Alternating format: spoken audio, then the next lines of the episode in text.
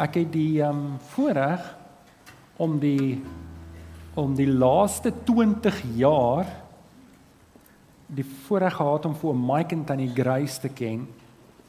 En ehm um, oom Mike was eh, die uh, toe ek in Bloemfontein die jeugleraar was, die 2IC gewees. Hy was die hoofouderling in Bloemfontein en Tannie Grace het terwyl sy in Bloemfontein was, verstaan ek altyd die blomme gedoen in die kerk.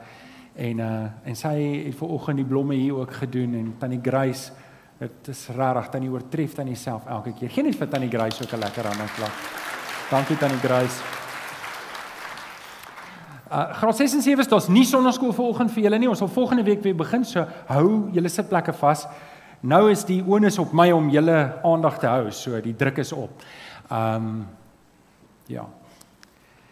Vanoggend terwyl ek deur my notas gaan en ek bid en ek en ek vra die Here om my hart voor te berei, weet julle die die die heerlikste ding vir my om te doen is om die woord van die Here aan julle te bring. Is vir my die grootste voorreg en is ek lewe daarvoor. Ek lewe daarvoor is vir my heerlik en dan en dan laasweek het Kenneth gepreek en 'n Vrydag het Erik gepreek en dan voel ek my ritme is versteur en as ek altyd so op my senuwees en vanoggend terwyl ek bid toe dink ek net oor wat vandag gebeur en besef julle ek ek weet, ek weet, ek verstaan. Met in in die Suid-Afrikaanse kultuur, ek dink wêreldwyd het het ons 'n reël dat as die vakansiedag op 'n Sondag val, dan spoel dit oor na die Maandag toe.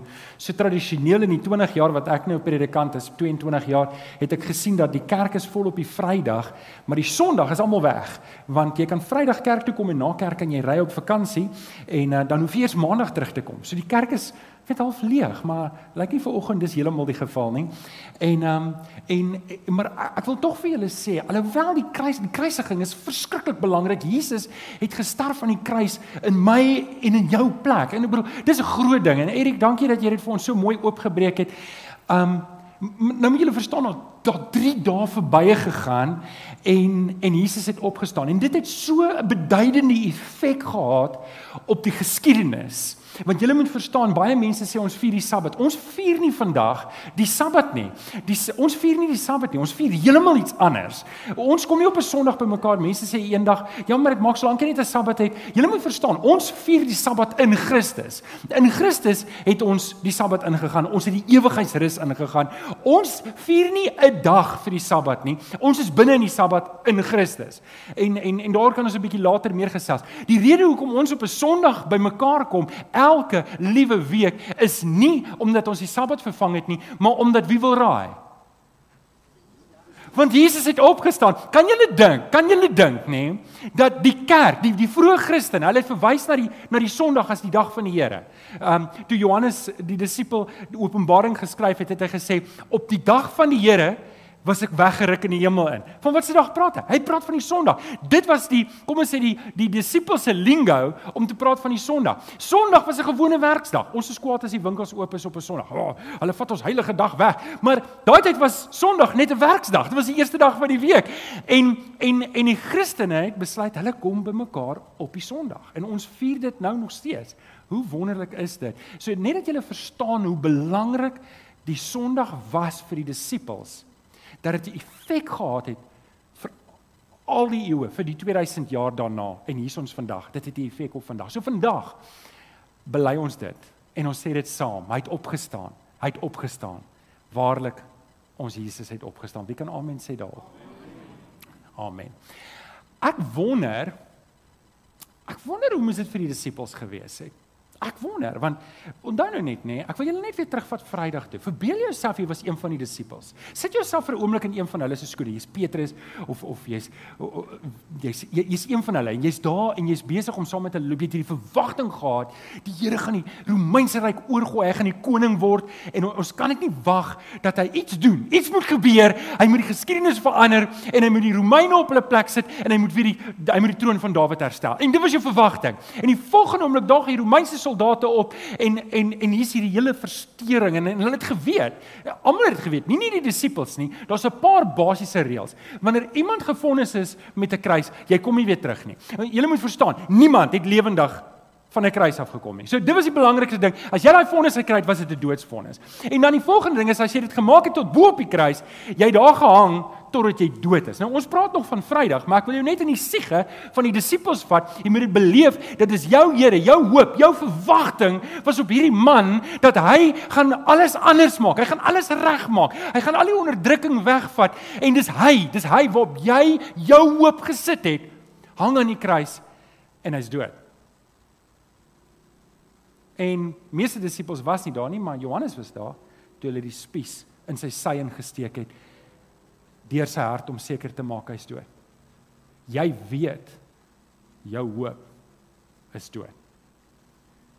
Wat gaan in jou hart aan die Vrydag aand? Wie van julle het al 'n doodstyding gekry? Wie van julle moes al gedeel het met 'n geliefde wat afgesterf het? Wat gekyk? Kan jy onthou daai volgende dag, daai oggend toe jy opstaan en en en is alles onwerklik? En, en jy wil bid en sê Here, ag kan dit nie maar net alles 'n slegte droom wees nie. Ek kan onthou die volgende oggend toe ek opgestaan het toe my ouers oorlede is. En en, en net daai gedagte, jy weet dit kan nie, maar jy hoop so. Jy hoop so jy kan die telefoon optel en bel en hulle antwoord. En en ek wil vir julle sê, dom dit ook al mag wees, ek het my pa se nommer 'n paar keer gebel en gehoop hy antwoord. Maar hy het nie. En en ek kan dink, julle moet verstaan vir 3 jaar het die disippels by Jesus geloop. Dis nie hoorie, dis nie 'n werksverhouding nie. Hier is 'n liefdesverhouding. En en en dit was alles was so ingeweef. Dit was 'n groot ding en ek kan ek kan dink, ek kan dink vir die disippels was dit swaar geweest op daai oomblik. En en ons lees die storie, dis 'n mooi storie, maar jy moet verstaan, hulle was regte, egte mense geweest, soos ek en jy. Hulle het gereageer soos wat ek en jy sou reageer. Hulle hulle moes verward geweest het. Hulle moes verward geweest het en gewonder wat nou? Hulle moes hulle moes bang geweest het dat die Romeine agter hulle sal aankom om heeltemal hulle uit te wis. Hulle hulle moes angstig geweest het en gewonder het, maar wat wat wat wag nou vir ons? Ons het ons hele lewe afgelê hiervoor en nou is dit al alles te vergeefs. En en ek het 'n vermoede dat hier sit 'n paar van julle wat daardie selfde dis dis 'n konstante belewenis van jou waar jy is. Jy jy jy lewe met verwardheid. Jy lewe in vrees en jy en jy lewe met angstigheid en en vooroggend wil ek vir jou die hoop bring in dit alles. En ek wil hê vooroggend moet ek en jy die belewenis hê wat die disippels gehad het toe hulle gehoor het Jesus het opgestaan.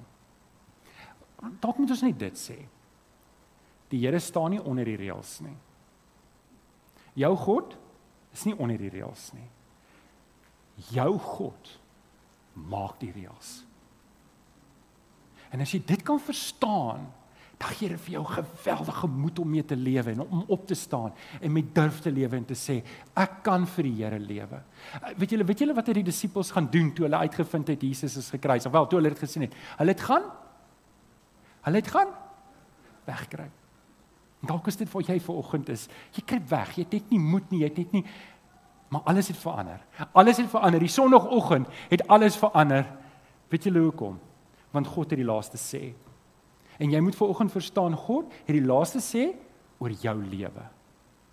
En ek weet nie wie wat gesê oor jou lewe nie. Weet julle die die die die die soldate het iets te sê gehad oor Jesus. Pontius Pilatus het iets te sê gehad oor Jesus. Die Fariseërs en die Sadduseërs en die skrifgeleerdes het iets gehad te sê oor Jesus. Die disippels het iets te sê gehad oor Jesus. Die rowers aan die kruis, albei het iets te sê gehad oor Jesus. En ek weet nie wat het jou gebring tot op hierdie punt in jou lewe nie, maar ek weet baie mense het iets te sê gehad oor jou. Maar weet jy wat? Niks van dit maak meer saak nie, want weet jy wat God het die laaste sê oor jou lewe. En weet jy wat sê hy? Hy sê ek sal my seun in jou plek laat sterf sodat jy nie hoef verlore te gaan in sonde nie. Maar as jy die kruisdood van die Here Jesus aangryp, sy verlossingswerk, dan gee hy vir jou lewe. Sê 'n bietjie amen toe. Amen. Vanoggend wil ek 'n bietjie met jou gesels oor hierdie goeters, maar eers gaan ons opstaan. Kom ons staan eers op. Staan saam met my op en dan hou jy jou Bybel lekker hoog in die lug en dan sê jy lekker hard saam met my. Vanoggend doen ons dit in oorwinning. Vanoggend doen ons dit met blydskap en vanoggend is daar 'n jubel in ons hart. Maar weet jy wat? God het die laaste sê oor jou lewe. Sê 'n bietjie amen toe. Sê saam met my. Dit is my Bybel. Ek is wat dit sê ek is. Ek het wat dit sê ek het. Ek kan doen wat dit sê ek kan doen. Met my hart glo ek met my mond bely ek, waar's ek nou? Dat Jesus die Here is. Amen. Amen. Dankie. Julle het nou opgevang daar met my. My agterste skerms werk nie. so ek is sonder hulle vir oggend. Jy kan jou Bybel vir oggend oopmaak by Matteus 28. Matteus 28 en ons gaan saam lees vanaf vers 1. Matteus 28 vanaf vers 1. En um, terwyl jy blaai, terwyl jy blaai, uh, kom ek sê eers vir almal aanlyn ook hallo. Goeiemôre en baie welkom. Dis lekker by jou te wees. Ek weet nie of jy kamp nie en of jy vakansie hou en of jy by die huis is of waar jy is nie, maar dis lekker om ook in jou huis te wees. Druk vir ons like op die op die op die knoppie daarso of subscribe. Dis vir ons 'n maklike manier om die woord uit te kry. Weereens dankie dat jy ingeskakel het. Matteus 28, Matteus 28 vanaf vers 34 gaan ons lees. Ehm um, nee, daai's nie. Matteus 28 vanaf vers 1. Daar ondersteun is nie reg nie. Kom ek sê net gou-gou eers dit. Kom ek sê gou-gou eers dit. Daar's nie 'n probleem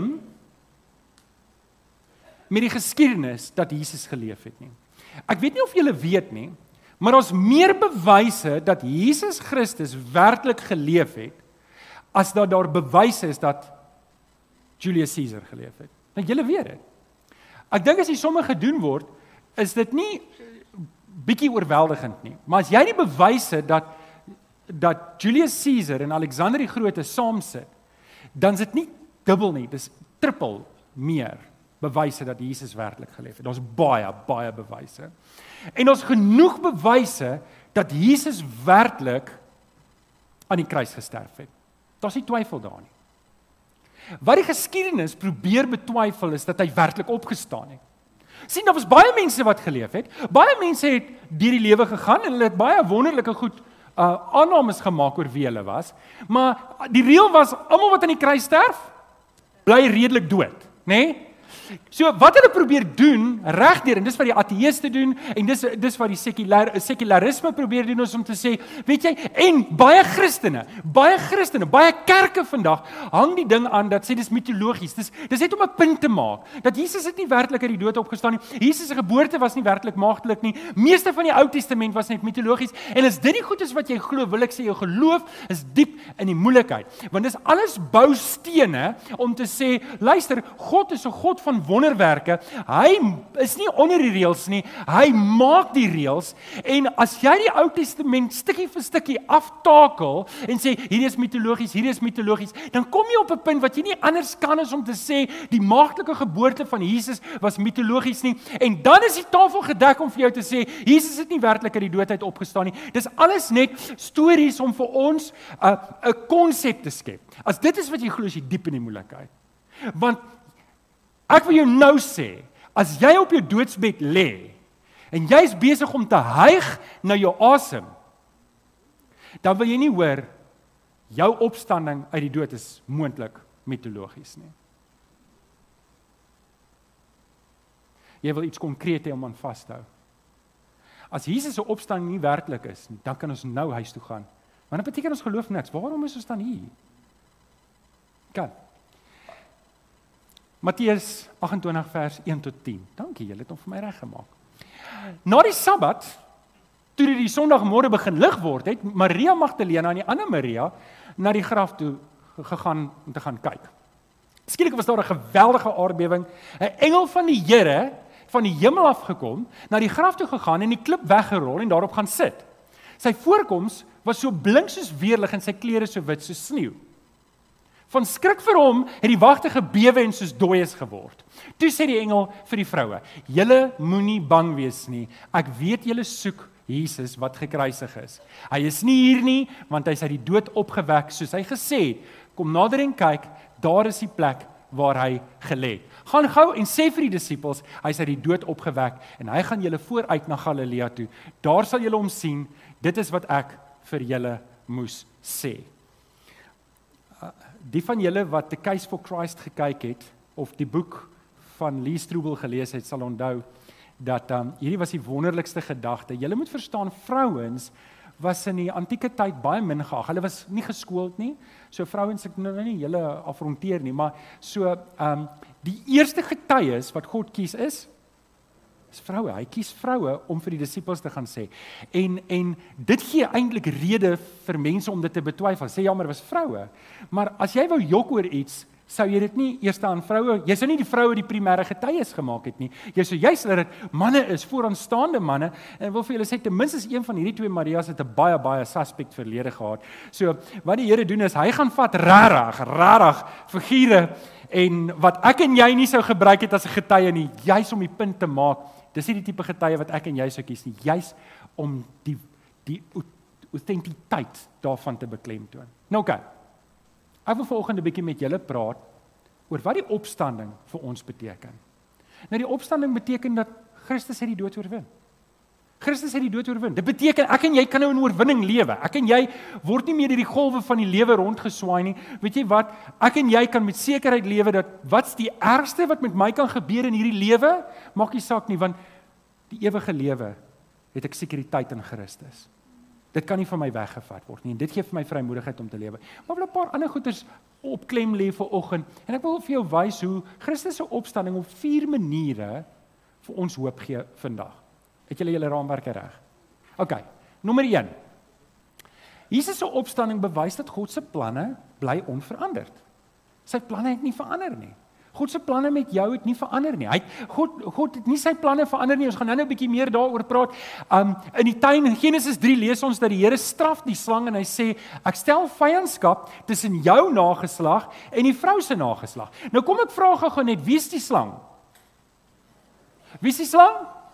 Satan. Okay, nou net net dat julle weet as julle kan verstaan dat Satan daardie slang is, dan het jy nie die behoefte om met 'n graaf rond te loop en die hele tyd slange dood te maak. Hy sê die Bybel sê ek moet slange doodmaak. Kom ons maak slange dood. Dis dis nie wat daar staan nie. En en en en en en God sê, luister, ek stel vyandskap tussen jou nageslag en die vrou se nageslag en dan sê jou nageslag sal hom in die hakskeen byt, maar die vrou se nageslag sal hom in die kop vermorsel. Wie is die nageslag? Watter mens kan vir Satan in die kop vermorsel? Net Jesus. Net Jesus. Daar's die eerste woord wat kom om te sê daar gaan oorwinning wees. Daar gaan oorwinning wees en daai oorwinning het gekom.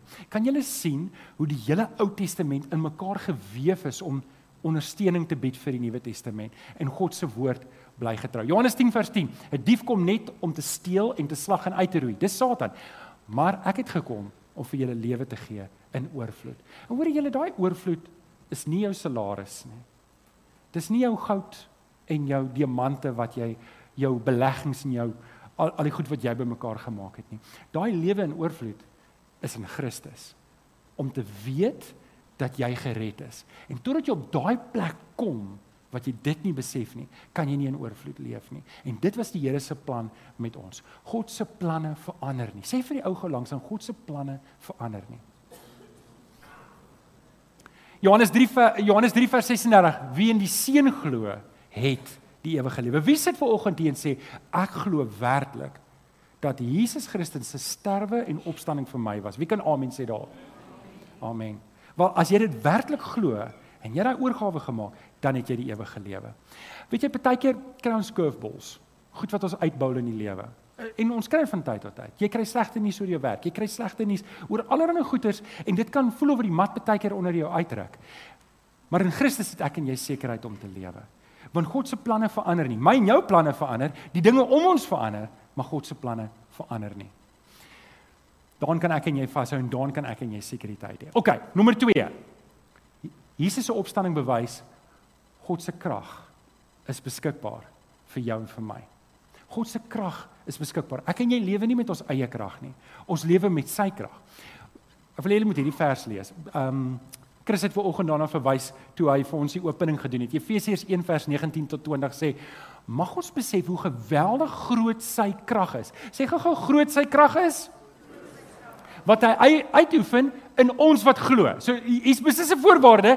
Ek en jy moet ons geloof en ons vertroue gesit het in die Here Jesus. Nou moet ek en jy hoor hoe groot daai krag is. Wat 'n krag is dit en hoe groot is daai krag? Hy gaan verder. Paulus sê hy sê dit is dieselfde kragtige werking van sy mag wat hy uitgeoefen het toe hy Christus uit die dood uit opgewek het. Nou ek weet nie of jy dit kan indink.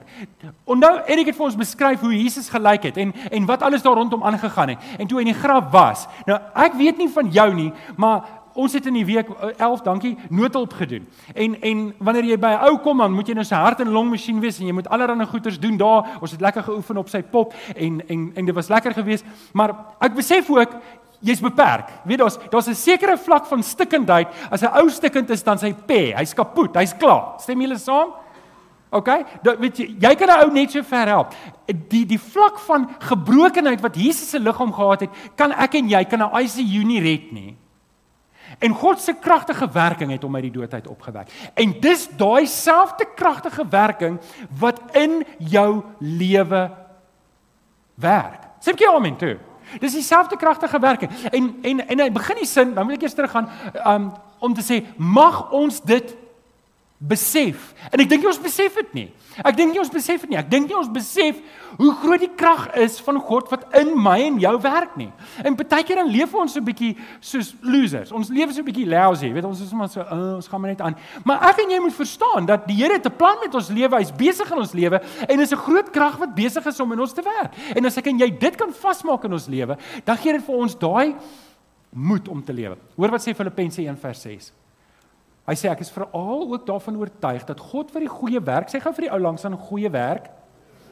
En ons begin en julle begin het dit eind uit sal uitvoer en dit sal volëindig op die dag wanneer Christus Jesus weer kom. Nou ons is nog nie daar nie. Ons is nog nie klaar nie. Stem julle saam? OK?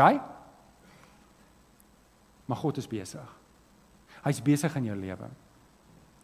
En en dit kan wees dat jy ver oggend hier sit en en jy weet Jy sukkel met sekere goeters. Daar's goeters wat jy weet, jy moet oorwinning kry in jou lewe. Jy kan nie so aanhinke pink nie. Want dan moet jy hieraan vashou om te sê dat die Here is nog nie klaar met jou nie. Hy's nog besig met jou en ons het in Romeine 8:29 gereeld vir mekaar gesê in die vorige reeks. God is besig om jou gelykvormig te maak aan wie? Aan die Here Jesus. So dit beteken ek en jy moet saam met God werk. En en dalk is jy besig aan jou lewe om werklik teen God te werk. Jy's besig om die Heilige Gees te bedroef en jy's besig om weerstand te bied teen die Here. amper so 'n graad 2 kind wat in 'n winkel rondgesleep word. Wie van julle is daai kind, nê? Nee, ek wil net sien. En en en jy moet volgens sê, hoorie man, hou op om teen die Here te werk.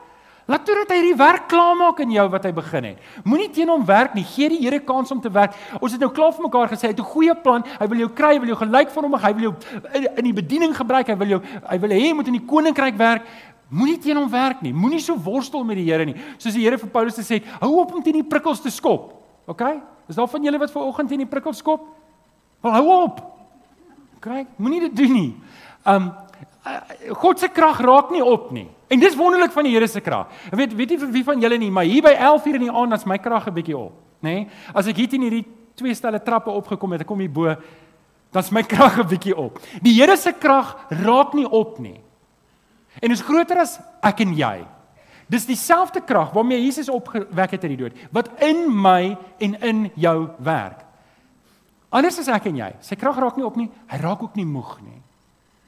En daarom kan ek en jy in die Here rus. Te weet, hy gaan deurkom. Hy gaan die werk doen. Ek en jy moet net saam met hom werk. Sy krag is beskikbaar.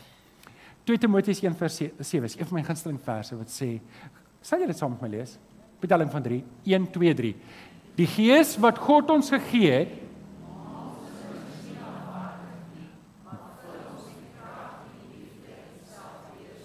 okay, so ons is nou besig om 'n hele sirkel hier te maak om te sê dieselfde krag wat God gebruik het om Jesus uit die dood uit op te wek, is dieselfde kragtige werking wat God gebruik om in ons te werk.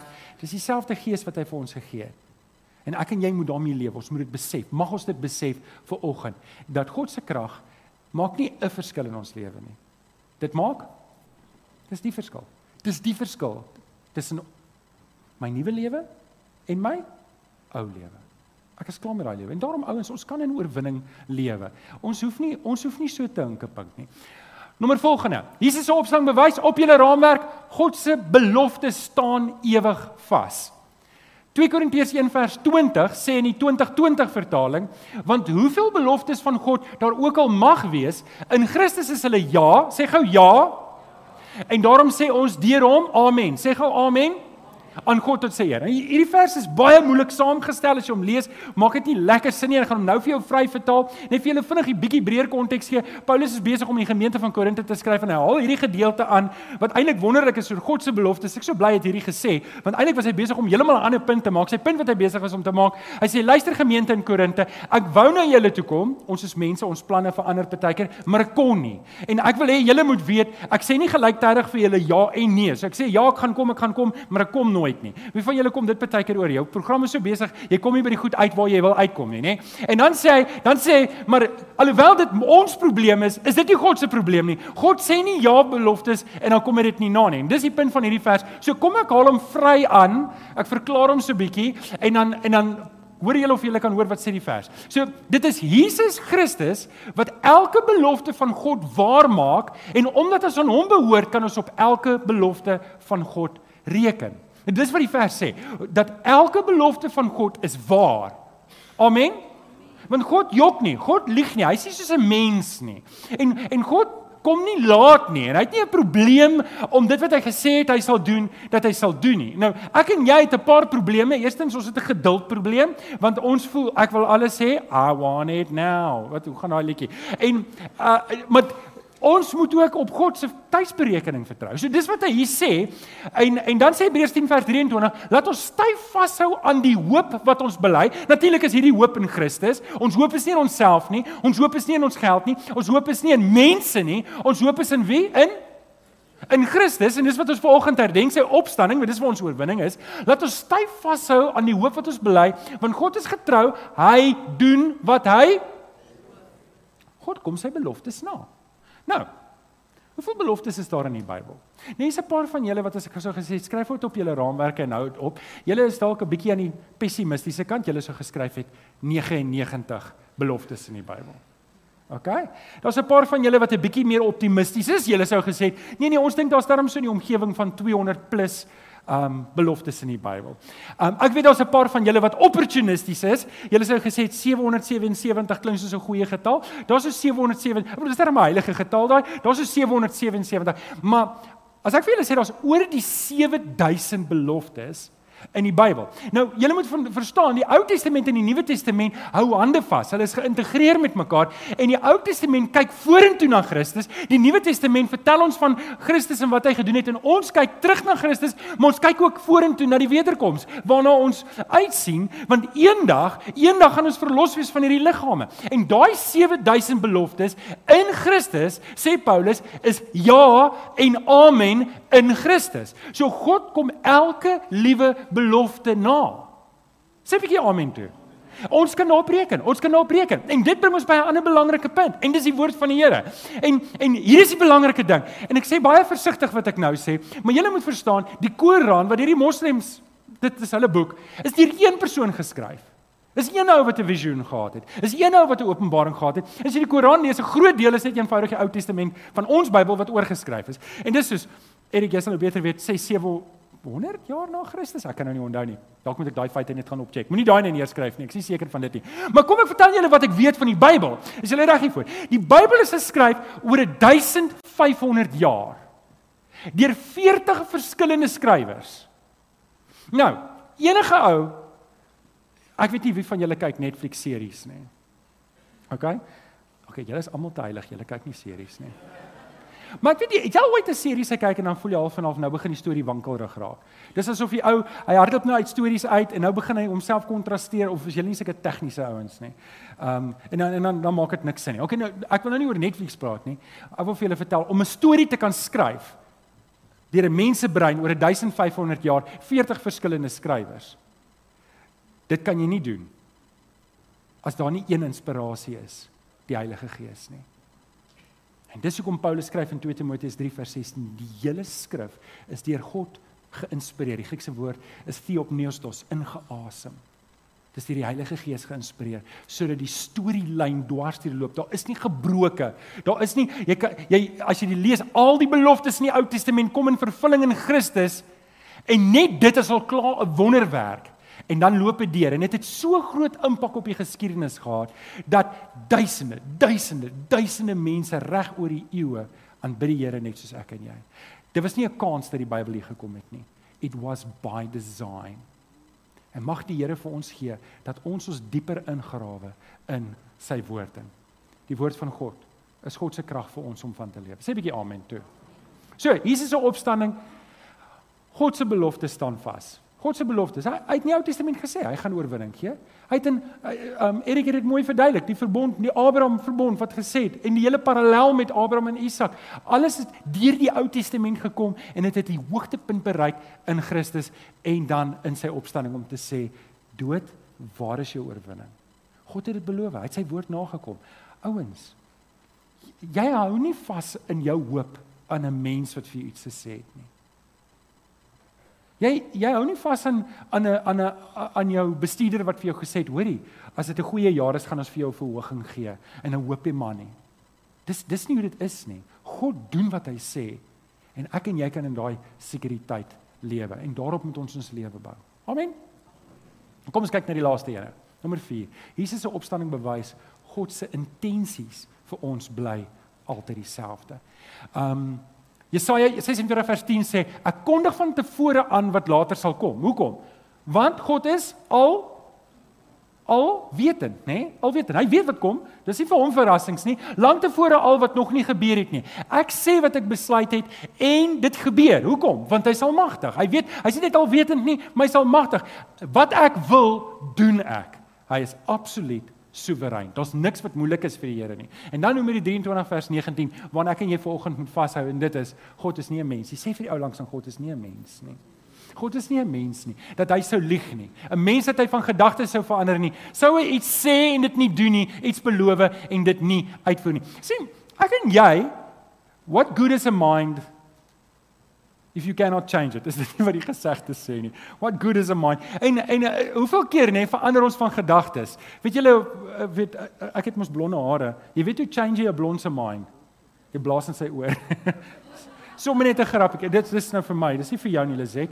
Um Ons almal is dit. Ons kan, weet jy wat, ek kan nou van 'n ding hou, môre hou ek nie daarvan nie. Nou kan jy nou dink, nê?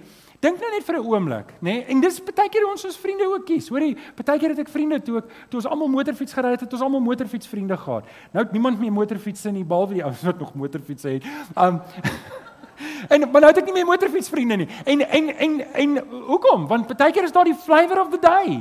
En en hier's die ding wat ek en jy moet weet. Daar daar's nie 'n ding vir die Here, daar's 'n flavor of the day en môre dan's jy nou uit by hom, nie? Die Here verander nie. Hy verander nie sy hart nie. Hy verander nie sy gedagtes nie. God bly konstant en en sy liefde vir jou en vir my bly konstant en sy planne bly konstant en sy bedoelings en ek weet intensie is nie die mooi, mooiste woord nie. Ek dink bedoeling is 'n beter woord. Tersius skud sy kop versigtig. Um sy sy bedoelings bly deurgangs dieselfde. Ek het die vermoë en ek is jammer, dalk het ek jou teleurgestel. Moet jy kyk wie skud hulle koppe. Tersius, as jy nog kyk. Um ek het jou dalk al teleurgestel. Hè? Ek vra om verskoning daarvoor. Ek, ek, ek, ek kan jou teleurstel. Ek ek ek, ek wil dit nie as prins doen nie. Maar uit die uit die gebrokenheid van die mens kan ek 'n belofte aan jou gemaak het en dit nie nagekom het nie. En ek is ek is jammer daaroor. Ek bedoel ek probeer hard. Julle ek probeer eerlik vir die Here lewe. Ek probeer regtig vir die Here lewe en ek is lief vir die Here en ek, maar ek ken my tekortkominge en en en joh, dis daarom 'n kwaai een. Ek wil nou nie sê ek het julle al probeer mislei nie, maar maar ek ken my swakheid. Ek ken die swakheid van die vlees. En en en dalk uh, moet ons dit vir mekaar bely. Mense doen dit. Mense doen dit. Was jy al teleurgestel soos 'n regte teleurgestel in mense?